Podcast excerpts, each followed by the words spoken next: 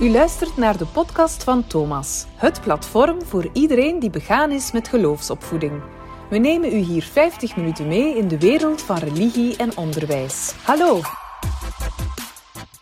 Dag beste luisteraars, welkom op de allereerste podcast van Thomas. Bedankt om te luisteren, want wij doen dit speciaal voor jullie. 50 minuten, een lesuur. We weten allemaal dat dat soms heel erg lang kan aanvoelen en soms ook heel erg kort. Dus wij hopen dat we toch jullie met deze podcast kunnen gaan boeien. Deze podcast is iets speciaals. Het wil een vrijgevige ruimte creëren waar wij allemaal inspiratie op kunnen doen. Misschien wel voor jouw lessen of misschien wel voor jouw eigen leven. En je kan hier, als je dat wil, volledig vrijblijvend de touwtjes in handen gaan nemen. Deed je een geslaagd of een niet geslaagd project met leerlingen of een school? Heb je een voorstel of heb je iets anders inspirerends te vertellen dat gelinkt kan worden aan godsdienstonderwijs of levensbeschouwing? Laat het ons weten via thomas.kuleuven.be en wij komen dan misschien wel met deze podcast bij u langs. Jawel, een podcast als hermeneutische ruimte.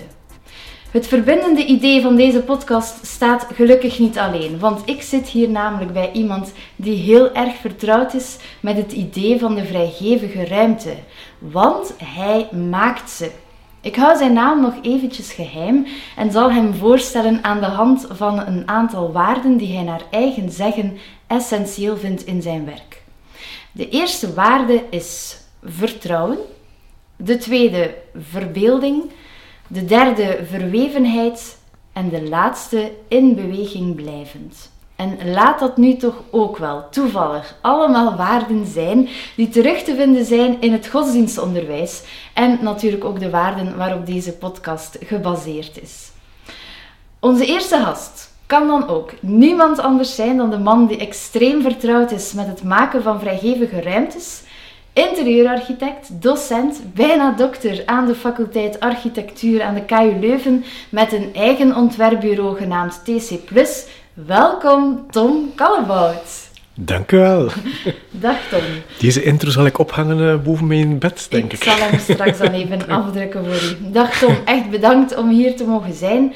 We zijn hier bij jou thuis, jouw woonhuis, en zelfs dat is al een heel speciale plek. Want je verbouwde je woning en je maakte er een open huis van.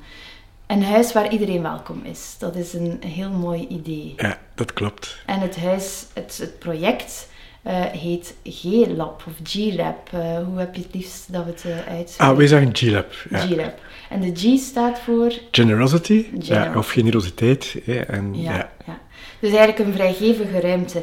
En in deze aflevering van Thomas willen we van jou leren uh, of de lessen godsdienst een vrijgevige ruimte kunnen zijn of kunnen worden en hoe we dat kunnen creëren. En dat willen we dus doen op basis van uh, dit idee, van dit huis, van uh, uw ideeën.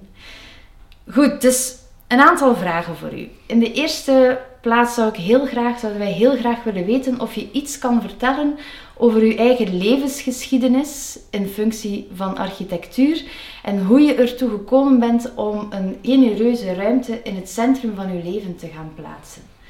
Hoe, is dat, hoe ben je hierbij gekomen? Waarom ben je ervoor gegaan? Um, dat is een grote, moeilijke vraag, maar tegelijkertijd, uh, dat is een beetje terugblikken op je leven. Um, om te beginnen denk ik dat een van de, de grote redenen waarom ik daaraan begonnen ben, dat is dat, omdat ik het gevoel heb dat ik in mijn leven enorm veel geluk heb gehad. Uh, het gezin waar ik geboren ben, de opvoeding die ik gekregen heb, de opleidingen die ik heb kunnen genieten, ben gezond, uh, fantastisch gezin. Dus ik heb eigenlijk het gevoel, amai, wat, een, wat een chance. En door mijn werk aan de KU Leuven kan ik geregeld naar het buitenland, maar naar heel afgelegen gebieden, gebieden die ook in nood zijn, in Groenland, Congo, Nepal. Ja, en dan merk je nog meer, het is cliché misschien, maar dat is toch wel zo, dan voel je aan een lijve uh, in welke comfortabele omstandigheden we hier leven. En um, van nature uit uh, wou ik daar ook al iets mee doen. Um, tegelijkertijd zou je kunnen zeggen, ja, we leven hier allemaal in Vlaanderen vrij goed, maar toch uh, is het voor mij onverklaarbaar dat er nog zoveel armoede is bijvoorbeeld. Hè? Of ja. zoveel, zoveel zelfmoorden zijn. Mm -hmm. En dan dacht ik, ja, we, daar, daar moeten we iets aan doen. En, zelf, en iedereen, iedere job, iedere, iedereen die met iets bezig is, en nu professioneel of, of privé, kan op een of andere manier, groot en klein, daar wel een steentje aan bijdragen. Want ja, wij zijn de samenleving. Dus we kunnen we ons afvragen hoe het komt dat er nog zoveel armoede is, maar in feite kunnen we daar zelf ook wel iets aan doen. Mm en als ik misschien terugblik op mijn leven, dan, dan uh, wat denk voor mij wel iets is geweest wat een soort versnelling gebracht heeft, is een uh, tegenslag die ik gehad heb, of, of, waar ik onderdeel van was, eh, denk 2010 of ik weet het niet meer goed welk, welk jaar, maar dan ben ik gescheiden. En ik had dan nooit verwacht dat dat mij ooit ging overkomen. Dat was ook niet uh, in onze familie veel aanwezig, nog bij de vrienden. Dus ik was in die zin zo'n beetje een, een, uh, ja, een eenzaad daarbij. Uh, ik had misschien ook wel op voorhand wat vooroordelen tegenover mensen die gescheiden waren. Ja. En plots ben ik zelf onderdeel van zo'n proces. En um, ja, dan hoor je heel veel mensen adviezen geven, maar die waren allemaal nogal gefocust op uh, je moet opletten en pas op uh, en al wel eens goed gescheiden enzovoort. Dus ik dacht eigenlijk, als ik al die adviezen opvolg, dan kom ik in een wereld terecht waarbij dat niet anders kan dan dat ik in, in ruzie kom te liggen met de, de mama van mijn, van mijn dochter. Nu, gelukkig geen van beiden had die van nature die ingesteldheid. We hebben eigenlijk op een hele fijne manier kunnen scheiden. En heb ik daardoor is, is mijn, mijn freng gevallen dat ik dacht, ja, we kunnen op een veel verbindendere wijze omgaan met elkaar. En dan ben ik daarna onderdeel geworden van een nieuw samengesteld gezin. Wat uiteraard een hele moeilijke oefening is in samenleven. Maar ik zag ook een hele grote analogie met samenleven in verschillende culturen. Ook een moeilijkheid wat ik tegengekomen had als ik in het buitenland projecten probeerde te doen waar je absoluut niet koloniaal wil overkomen. En hoe meer je het wil, hoe meer je beseft, ah ja, ja, ik val er toch in. Uh, in die, die, die valkuil.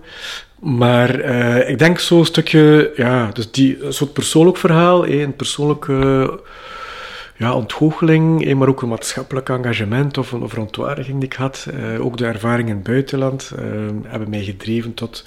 Ik kan ook als interieurarchitect iets betekenen voor uh, de maatschappij, maar ook als vader. Ja, dat is wel interessant dat je uh, toch wat gereisd hebt om te gaan bekijken hoe mensen overal wonen.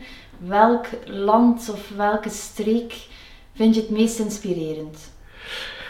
Ik denk voor het project van de G-Lab dat uh, waarschijnlijk de, de grootste inspiratie Nepal geweest is. Om, uh, daar heb ik ook het meest intens samengewoond uh, met families heel armetierige omstandigheden.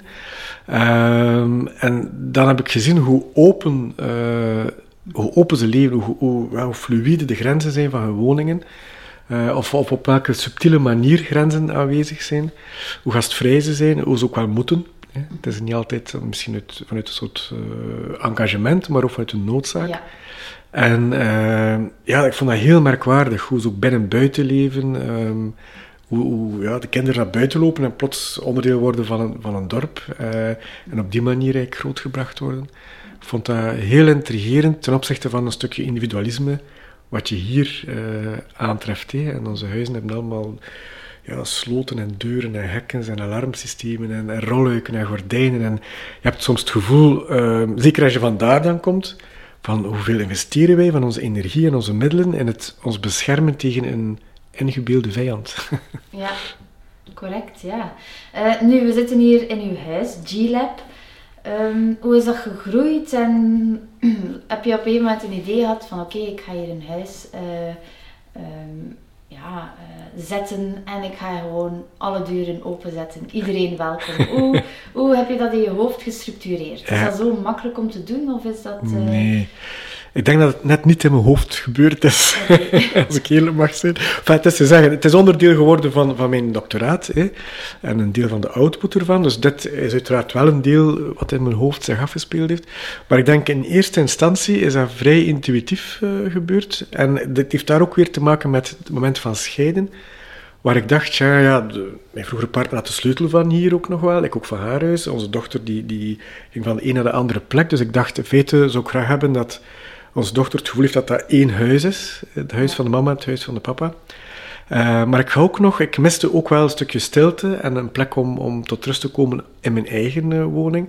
Dus ik, ik ontwierp veel stille ruimtes voor andere plekken, maar had dat zelf eigenlijk niet. En dacht, ja, als ik zoiets ontwerp, dan hoeft dat niet enkel voor mezelf te zijn. Ik bouw dat in mijn voortuin, zo'n plek. Waardoor dat eigenlijk dat ook als een soort tussenruimte kan gezien worden voor mijn dochter, tussen de twee ouders in. Maar evenzeer een plek kan zijn voor de buurt. En uh, op die manier groeide dat. En uh, laten we zeggen, dat was tien jaar geleden. Dus er begonnen wel ook al meer mensen bezig te zijn met uh, deelconcepten. En, en dat werd wel iets toegankelijker al.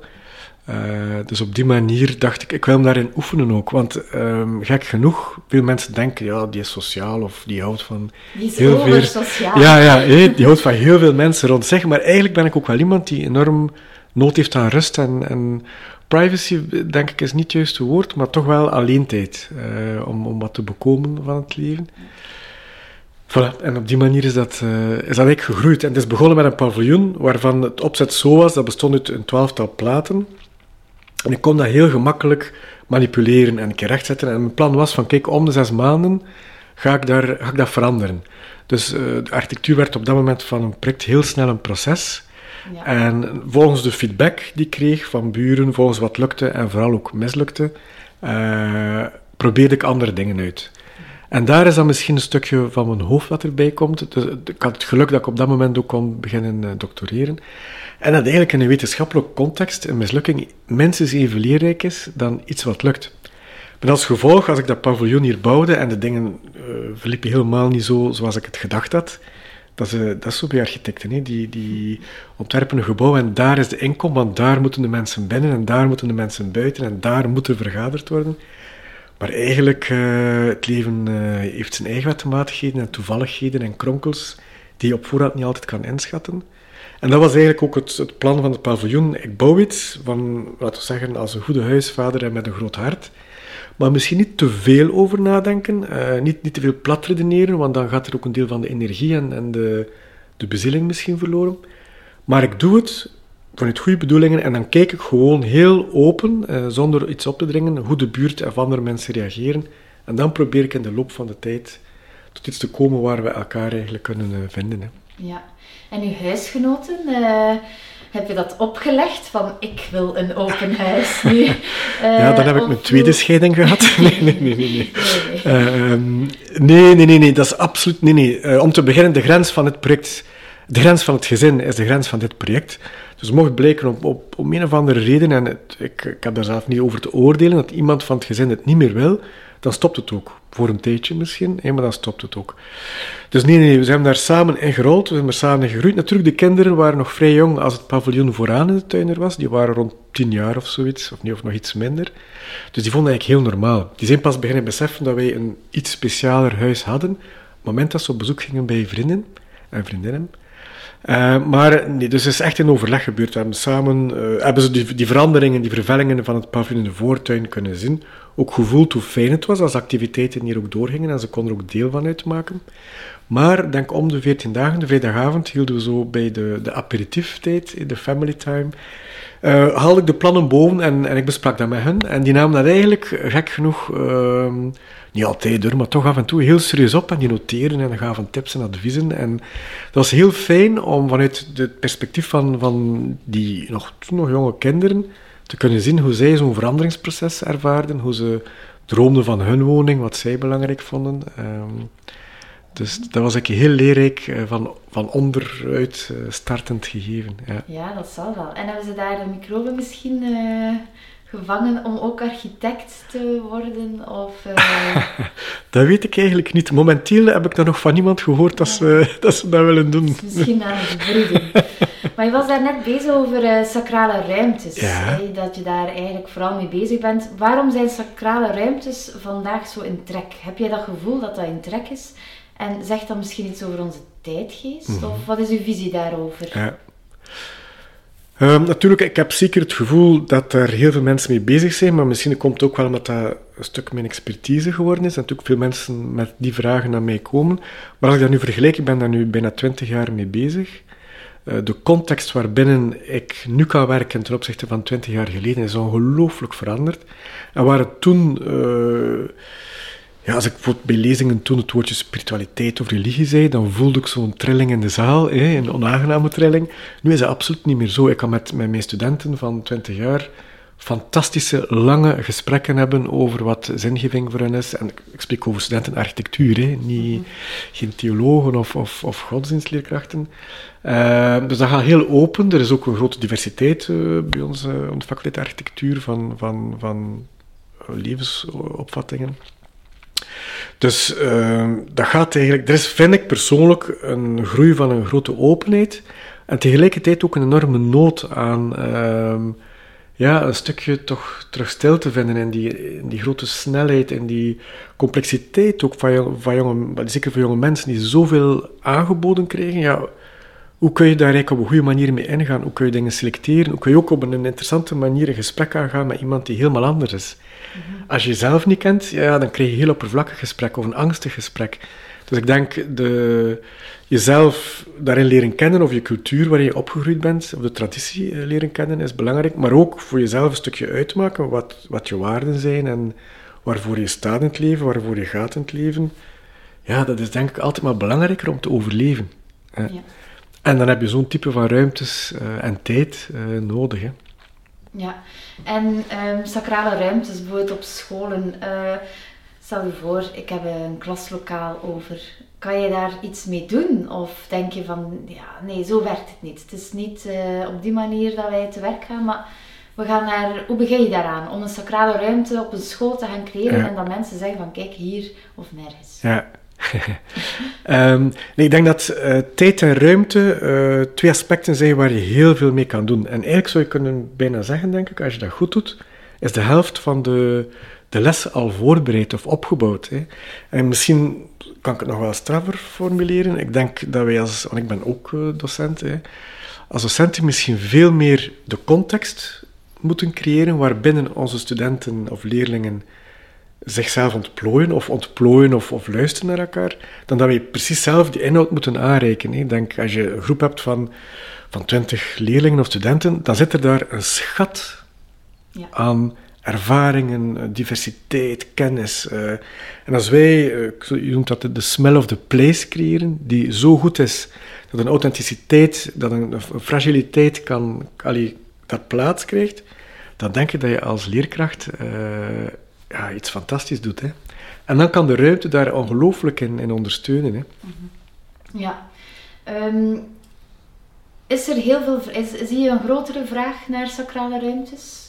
Vroeger, buiten vroeger en nu? Um, ja, en, ja, en op twee manieren eigenlijk. De, wij kregen meer vraag, uh, maar ook vanuit veel diversere hoeken. Dus waar dat twintig jaar geleden vooral was, uh, ja, bij kerken, ja, of kloosters, die zeiden, ja, kijk, of zeker wat kerken betreft, uh, we hebben hier een ruimte voor, voor vier of, of 800 mensen. We hebben uiteindelijk maar een parochiegemeenschap van 20 mensen meer. Kun je ons helpen om een soort kleine kapel te maken? Of een fusie van verschillende kerkgemeenschappen uh, mee begeleiden en eigenlijk een nieuwe ruimte voor de, de nieuwe gemeenschap uh, maken. Maar nu, bij wijze van spreken, krijg ik uh, die vraag voor woningen, voor bedrijven, voor, voor Pukkelpop hebben we in de tijd iets ontworpen. Dus die, die vraag is eigenlijk alomtegenwoordig. Um, en eigenlijk zou je het bijna kunnen omdraaien. Uh, het is zo dat ik bij iedere vraag die ik krijg, ik nadenk, ja, het is eigenlijk bijna een sacrale ruimte. Ik probeer ik bij alles wat ik doe, de, die dimensies toe te voegen of dat, dat, die gevoeligheid uh, binnen te brengen. Ja, architectuur is uh, geen zaak op zich, maar een beleving. Is dat een beetje ja. waar dat het naartoe gaat? Ja, absoluut. absoluut. De, dat is juist wat je zegt. En het is tijd, het is ruimte, het is een ervaring, het is een interactie. Um, dus het is veel meer dan die pure stenen of dat gebouw, het is veel meer dan een moment. Het is iets wat, wat in beweging is. Hè. Op welk project ben je het vierst? Kan je het zo een beetje beschrijven? Want een podcast, dat is niet zo visueel. Ja. Maar hoe kan je, ja, beschrijf eens een project dat je denkt dat is echt mooi. Dat, dat is goed gelukt en het is esthetisch ook nog eens super mooi. Ja, wel, als ik zou moeten antwoorden op op welk project ben ik het vierst, dan zou ik altijd denk zeggen het volgende. eh, omdat ik, ik probeer me echt altijd, hoe groot of klein een vraag is, me volledig te geven. En ik ben iemand die heel intens met de dingen bezig is, daar ook heel erg van hou. Maar uh, als ik ook voor mijn doctoraat wat terugblikte, denk ik dat er misschien drie projecten zijn die wel een soort kantelmoment uh, veroorzaakt hebben en waar ik zeker ook vier ben, vier op ben. Dat is het uh, project waar het allemaal mee begonnen is, Jot in de Magdalena-kerk in Brugge. Maar dat project is eigenlijk nog altijd bezig. Dus ik ben al verschillende keren daar teruggegaan, weer uh, nieuwe interventies mogen doen, daar met studenten ook gewerkt, er verbleven, er geslapen in die kerk. Ik heb die plek eigenlijk van binnen en van buiten leren kennen, als vrijwilliger, maar ook als, al vanuit professionele ooghoek. Dus dat is een eerste project. Het tweede project is de Kapel van de Ontluiking. Een project waar we uh, in een bestaande, relatief kleine kapel, 12 meter op 12 meter op 12 meter, en de oude kapel gerenoveerd hebben, maar dan in die oude kapel een nieuwe kapel gebouwd hebben. Die bestaat uit allemaal luiken, waar dus je eigenlijk binnenkomt in eerste instantie in een hele witte nieuwe ruimte. Die is gevuld ook met zand. Je komt er met blote voeten binnen. Um, en in feite gaat het over de nieuwe witte ruimte, maar stel dat er mensen zijn die andere licht willen hebben, of een ander zegt, of verhalen van vroeger, dan kunnen ze luiken openen en na gelang welk luik je opent, uh, kom je in contact met de buitenwereld of met de traditie, of met nieuwe verhalen die je kan toevoegen ook. Ja. En dan het derde project is hier de G-Lab zelf. Uh, uh, ja. Uw huis. Ja, ja. ja, Wat eigenlijk een opengekantelde woning is, die meer buitenkamers heeft, meer kamers heeft die, waar je echt leeft in verbinding met de natuur en de omgeving en andere mensen. Ehm, ja. Zijn er eigenlijk nog mensen bezig met sacrale ruimtes uh, vanuit uw hoek? Um, wel, ik merk uh, zeker en vast. Uh, maar wat ik wel merk is dat uh, als het, het, gaat over het bouwen van nieuwe sacrale ruimtes, dat er nog heel veel gebouwd wordt vanuit een redelijk traditioneel oogpunt, zo de autobusopstelling. En, en, dus ze creëren wel een nieuwe schil nieuwe binnen- en buitenschil, maar niet zozeer op zoek naar nieuwe manieren van gemeenschap vormen of nieuwe manieren van rituelen laten ontwikkelen, aan de ene kant. Aan de andere kant zijn er veel collega's bezig met herbestemmen van kerken, maar dat is eigenlijk een andere expertise.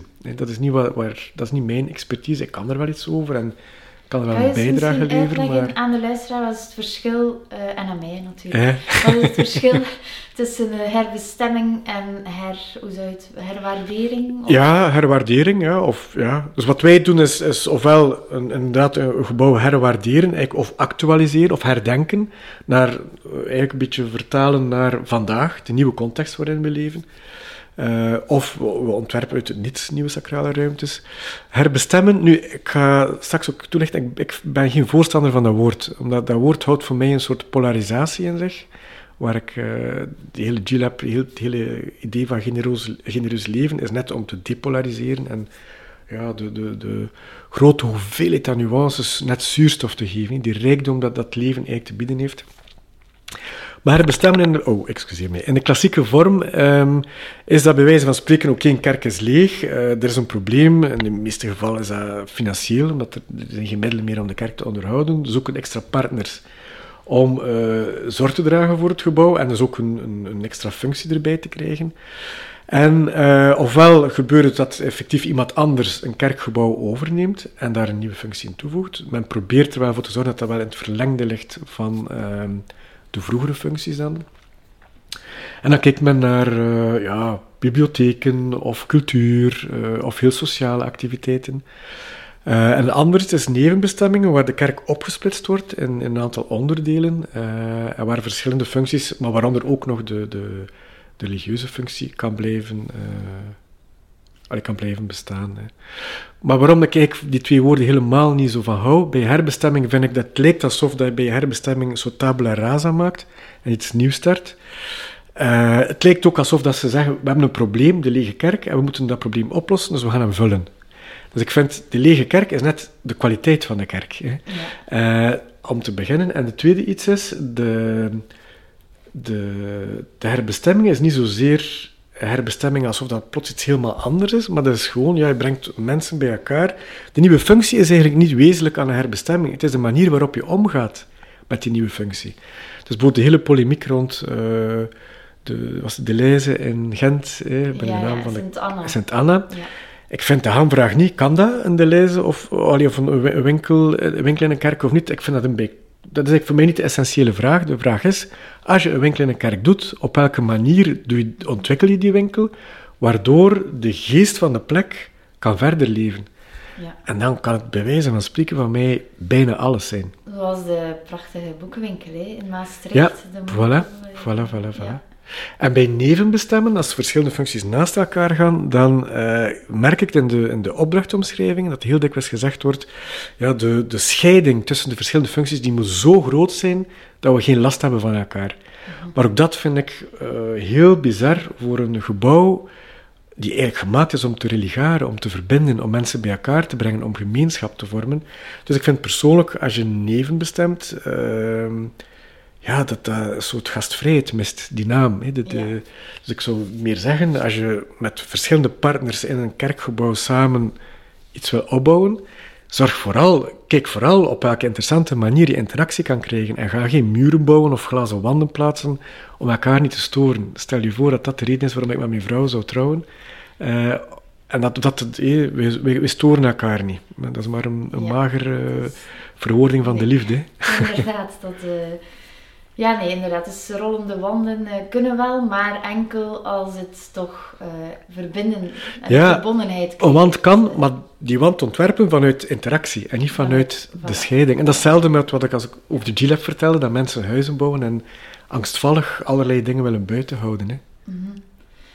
Ja, en je denkt veel na. Dus het is niet enkel uh, als interieurarchitect bezig zijn met esthetiek, maar je hebt er ook een heel brede uh, denktank achter zitten. Dat is uh, heel leuk. Dus ik durf echt wel uh, vragen aan u. Zou je het vak godsdienst ook als een vrij vrijgevige ruimte kunnen zien? Ja. Hoe, ja. Wat denk je daarover? Ik zou antwoorden spontaan, absoluut. En het is misschien wel van alle vakken zou het kunnen de meest vrijgevige ruimte zijn. Hè? Uh, eerlijk gezegd, zelf als, als uh, als de leerling vroeger in het college, keek ik altijd enorm uit naar het vak godsdienst. Uh, ik denk dat we, we hadden op zich wel goede leerkrachten waarschijnlijk, maar het was een vak waarvan ik het gevoel had, hier raken we niet enkel het vak, maar ook de, de hele, het hele leven. En uh, daar hou ik enorm van. En ik vind ieder vak, die is Nederlands of waardrijkskunde, kun je best connecteren met, met dat geheel. Hè. Ik denk ook wel dat dat de bedoeling is als je zel, je hebt je ja. Dat denk ik is ook wel essentieel geworden nu. Maar ja, ik, ben nu, ik word 50 eh, binnen een paar weken. Ik vond dat nog iets. Ja, dank u wel, dank u wel. Ja, ik heb, het, ik heb het gehaald. ja. Al de rest is nu nog een prachtig cadeau. Oh. dus verder surfen op die inspanningen van de voorbije 50 jaar. Uh, ja, dus er was iets minder, uh, er was iets minder aandacht aan wat gebeurt er in de wereld en, en hoe kun je daarin in, uh, ja, hoe, kun je dat connecteren met de rest? Maar ik vond dat in het vak godsdienst wel. En uh, dat boeide me wel. En ik denk, ja, dat is... Uh, ja, het is de plek, denk ik, om, om, om jonge mensen uh, te leren omgaan met, met, met hun eigen traditie, met hun eigen identiteit, maar ook met het ontmoeten van andere mensen. Um, en ja, dat is ik denk de rijkdom van het leven. Als ik iets aan, aan onze kinderen wil meegeven, dat is ook denk ik waarom dat we wonen in het huis die een experiment is of een laboratorium in generositeit. Ja, wat kan ik mijn kinderen meegeven? Uh, geen computerlessen. Uh, enfin, heel veel dingen kan ik hen niet doorgeven. Ik denk, wat ik hen wil doorgeven is een soort openheid, een veerkracht, een flexibiliteit om om te gaan met andere mensen, met andere culturen, andere gedachten. En daar lijkt mij dat het vak als godsdienst daar de ideale plek voor is. Hè. Mhm. En van mijn part, uh, ik ben ook niet zozeer uh, aan, aan de vakjes apart. Hè. Van mijn part, denk als je kiest van bij een katholieke school, dan zou het eigenlijk voor mijn part heel goed kunnen dat dat doorheen alle ruimtes en alle tijden, lestijden, aanwezig is. Niet als iets wat opdringt, hè, maar wel de waarde waarvoor een school staat, dat je dat voelt in alle vakken uh, en niet enkel in het vak godsdienst. Ja. Dat is ook wel wat katholieke dialoogschool zijn betekent. Eh, Absoluut. dat is inderdaad een woord dat mooi klinkt en in theorie uh, nog mooier is uh, zelfs. Maar de praktijk daarvan zou daarvan ja, op die manier kunnen ontwikkeld worden. Ja. Ehm, de eigenheid van de school, hè. Dat ja, is, absoluut, absoluut.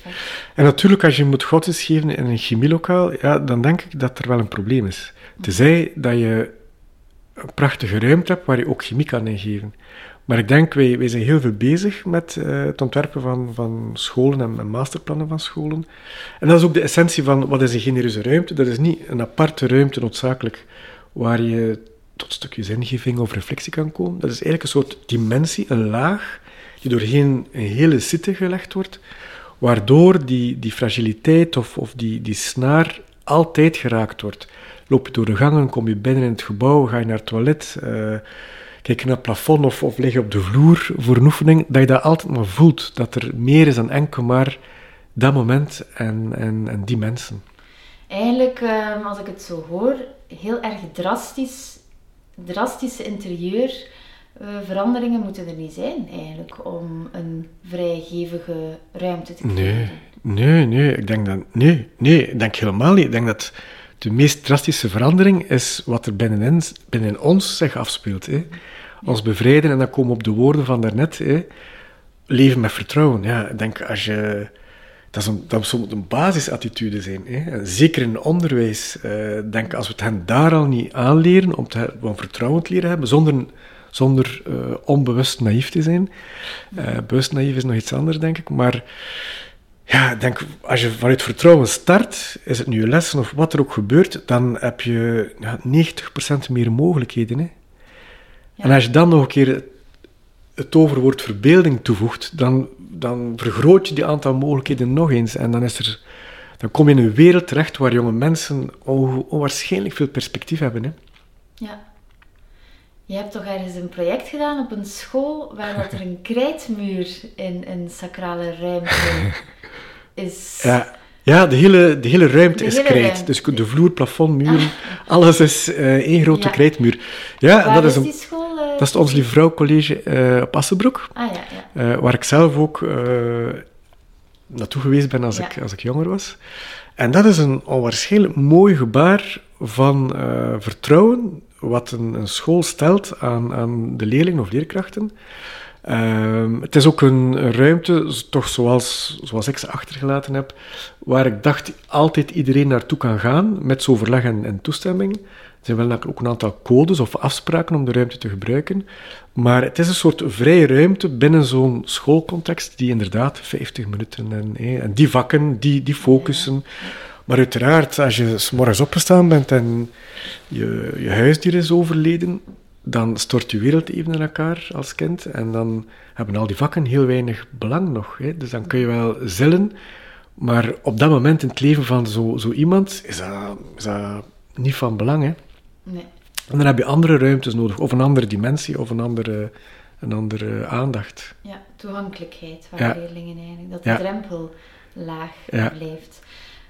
Als ik, veronderstel, eh, je hebt het ook al, ik heb het overal gelezen ook, dat je vooral veel samenwerkt met mensen die een bepaalde ruimte willen gaan creëren. Ja. Maar ik denk dat dat uh, heel moeilijk is om ja, de, de snaren uh, gelijk te stemmen um, en dergelijke. Dus hoe begin je daaraan? Hoe hou je een drempel laag genoeg om met, over zoiets essentieel, namelijk de ruimte en vooral de beleving die die ruimte moet meegeven, hoe begin je daaraan om met zo'n verscheidenheid, zo'n diversiteit, uh, daar tot, tot een resultaat te komen? Ja. Uh, ik stel je de vraag heel goed, hoe begin je eraan? Is uh, belangrijker dan waar eindig je? Ja. terwijl vele projecten, en dat klinkt misschien evident, maar de meeste projecten of de meeste vragen die mensen stellen, zijn zeer op het antwoord gericht. En eigenlijk is het vooral van belang dat je eraan begint. En, uh, want ik hoor heel dikwijls, ja, we hebben geen middelen of we hebben geen ruimte als het over sacrale ruimtes gaat. Eh, het wordt ook in, het, uh, in de Agion-dossiers wordt een kapel niet, niet allez, dat kun je niet mee opnemen in je oppervlakte. Of gesubsidieerd, dat bedoel ik. Voor zover ik weet toch. Eh. Um, even mijn draad kwijt. Maar hoe begin je eraan? Ja, ik denk het voor mij is ook geen lineair proces. Ik denk, je hebt ergens een droom, intuïtief, waar wil je naartoe met je, met je school of met je leerlingen. Dus we gaan het even op een klas hebben, want als je hele school moet veranderen, is dat misschien nogal een mastodont van ja, uh, tijd, ruimte en geld. Maar je eigen klas, uh, hoe begin je eraan? Ja, dat kan zijn doordat je zegt, ik voel aan, of iemand van de studenten voelt aan dat het beter, is om zo te zitten of zo te zitten. Het kan beginnen met gewoon je stoelen anders te plaatsen. Het kan beginnen met een ander beeld te projecteren. Het kan beginnen met anders om te gaan met de tijd. Ehm, dus je kunt eigenlijk, uh, ja, zonder dat je fysiek veel nodig hebt, uh, al, al, al van alles gaan, gaan suggereren of een andere smell of the place gaan creëren. Het kan even goed zijn, stel dat je zegt, ik doe het met mijn collega, ja, één opening en een wand kan eigenlijk al een dynamiek van de hele school veranderen. Dus ik vind het veel belangrijker dat je iets doet niet wacht op het ultieme perfecte antwoord, daar zie ik zoveel gebeuren, zeker ook in onderwijscontext of in politieke context. Het mag niet mislukken, dus het juiste antwoord moet er zijn. Maar als gevolg dat er geen enkel risico genomen wordt, dan krijg je meestal saaie dingen, maar krijg je ook dingen waar niet zoveel uit leert, in functie van een volgende stap. En ik denk, leeromgeving. Een school is een leeromgeving bij uitstek. Dus als de leerkracht en de directie geen risico durft nemen of geen fouten durft maken, ja, dan dan, leer je, dan toon je eigenlijk het tegenovergestelde van wat je eigenlijk wil aanbieden aan je, aan je, aan je leerlingen. Dus ik zou zeggen, ja, bij iedere godsdienstles, test iets anders uit. Zet, je, zet ze bijna op een andere manier samen. Uh, breng een ander ritme binnen in je, in, je, in je lessen. Soms kan het misschien 50 minuten één thema zijn, of welke keer 50 minuten gevuld met 10 thema's van 5 minuten. Dus probeer te kijken hoe, hoe, hoe je leerlingen of, studenten daarmee omgaan.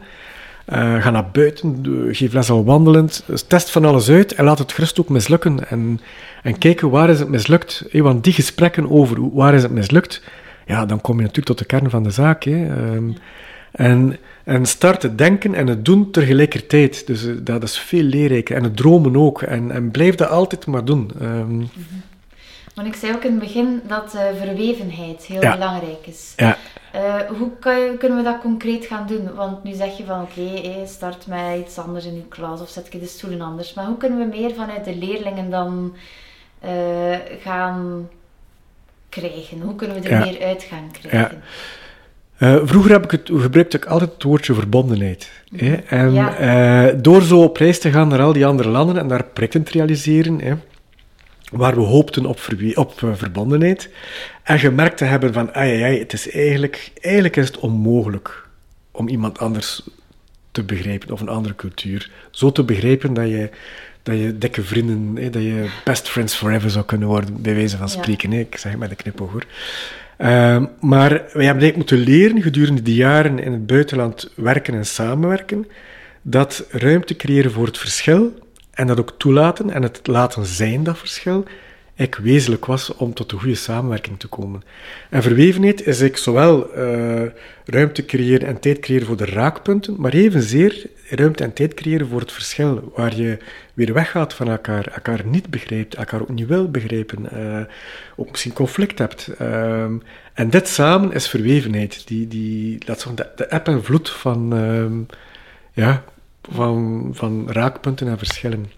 Ik vermoed dat dat wel bij elk project dan, dat je daarmee te maken krijgt, toch? Met die, uh, dat, ja. die app en vloed. Zijn er ook projecten geweest waar uh, de, het verschil zo, zo hard was dat het project is stopgezet? Dat ze zeiden van, we kunnen niet meer verder nu, dit, dit, hier eindigt het? Um, het gaat dat me nog, mij nog niet zoveel overkomen, of ik herinner het me misschien niet meer zoveel. Um, de paar dingen waar dat ik mij herinner dat het gebeurd is, heeft misschien wel te maken. Ik, ik, ik denk bij, van nature denk, ben ik eerder verbindend iemand. Ik ben misschien eerder conflictuerend dan uh, conflictzoekend. Um, wat denk wel goed is voor mijn job, uh, of de manier waarop ik mijn job uitoefen. Maar uh, ik denk dat ik vroeger te weinig ruimte maakte voor het conflict en er misschien te veel rondfietste. En dat dat wel zou kunnen dat ik op bepaalde momenten daardoor uh, eigenlijk misschien ja, mensen niet genoeg erkend heb in, in hun verschil. Uh, ja, en dat een project op een bepaalde manier stopt, of niet, niet kan groeien en niet rijker kan worden. En um, ja. -hmm. Maar ja, op zich is dat ook weer geen probleem, want als je, als je een project bekijkt, niet als iets lineair, in zin van uh, met een start en een stop, maar als iets dat altijd maar verder evolueert, ja, dan ben ik misschien een goede partner geweest op dat moment om zes maanden mee samen te werken. En is er na mij iemand, ook weer iemand anders. Hè. Uh, spreken ook, ik spreek ook liever van uh, een spatial agency, een soort ruimtelabo, dan een architectuurbureau. Omdat een ruimtelabo zijn alle mensen die... Uh, begaan zijn met het wonen. En niet enkel de mensen die expertise hebben in architectuur. Ah, ja, en ja. het is met het ruimtelabo dat je een fantastische school kan bouwen. Ja. Allee, letterlijk en figuurlijk dan. Hè. Ja. En dat ruimtelabo, dat wisselt, dat, dat, dat is iets evolutief. Dat, uh, dat, is een soort komen en gaan. Je hebt misschien wel een kern van mensen, en dat zijn denk ik dan vooral de directie en, en, en de leerkrachten, die, die een soort standvastigheid hebben en, en een soort, uh, die, die richting in de gaten houden of, of sterk houden, die waarden uh, daarvoor vechten. Maar voor de rest kan dat, kun je echt heel verschillend laten bevruchten door andere mensen. Hè. Ja, en nu in deze dagen, uh, deze tijden, dit jaar al, hè, um, die digitale ruimtes, is daar ook iets over te zeggen? Want inderdaad, uw expertise ligt vooral bij tastbare ruimtes. Ja. Maar we merken dat je een filosoof bent als het uh, over nadenken op ruimtes aankomt. Um, maar kunnen digitale ruimtes volgens u ook vrijgevig zijn en zouden die eventueel toekomst hebben? Um, Wat moet een digitale ruimte hebben om vrijgevig te zijn? Ik denk dat het zeker ook toekomst heeft. En ik moet eerlijk zeggen, uh, ik ben er niet zo'n expert in op technisch gebied. En als ik vorig jaar uh, de lockdown startte, dan heb ik wel gemerkt bij mezelf dat ik dat eerste semester ook gewoon heb proberen te overleven. Hè. En ik was al heel blij als ik het overleefd had, samen met de studenten. Maar nu is het tweede jaar zo, uh, en stel dat we mogen dromen om volgend academiejaar uh, ook weer fysiek elkaar te kunnen zien, merk ik dat bepaalde oefeningen of bepaalde uh, lesvormen, werkvormen, intenser kunnen verlopen als je het digitaal doet. Op een of andere manier creëer je een soort arena waar iedereen vanuit dezelfde afstand aanwezig is. en kun je ook een manier van communiceren ontwikkelen ja, die toch een soort intensiteit heeft, waar ik met 24 mensen of met 20 uh, eh, mensen bijvoorbeeld, waar ik dan niet altijd in slaag als ik ze live zie.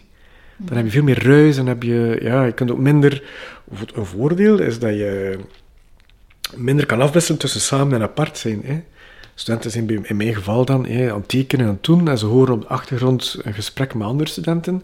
En op een bepaald moment uh, voelen ze wel van, oh, hier wordt iets gezegd wat ik wat mij nu ook aanbelangt. Of ik kan plots me wel weer richten tot iedereen op een veel gemakkelijkere manier. Je kunt veel gemakkelijker bronnen erbij, uh, erbij halen.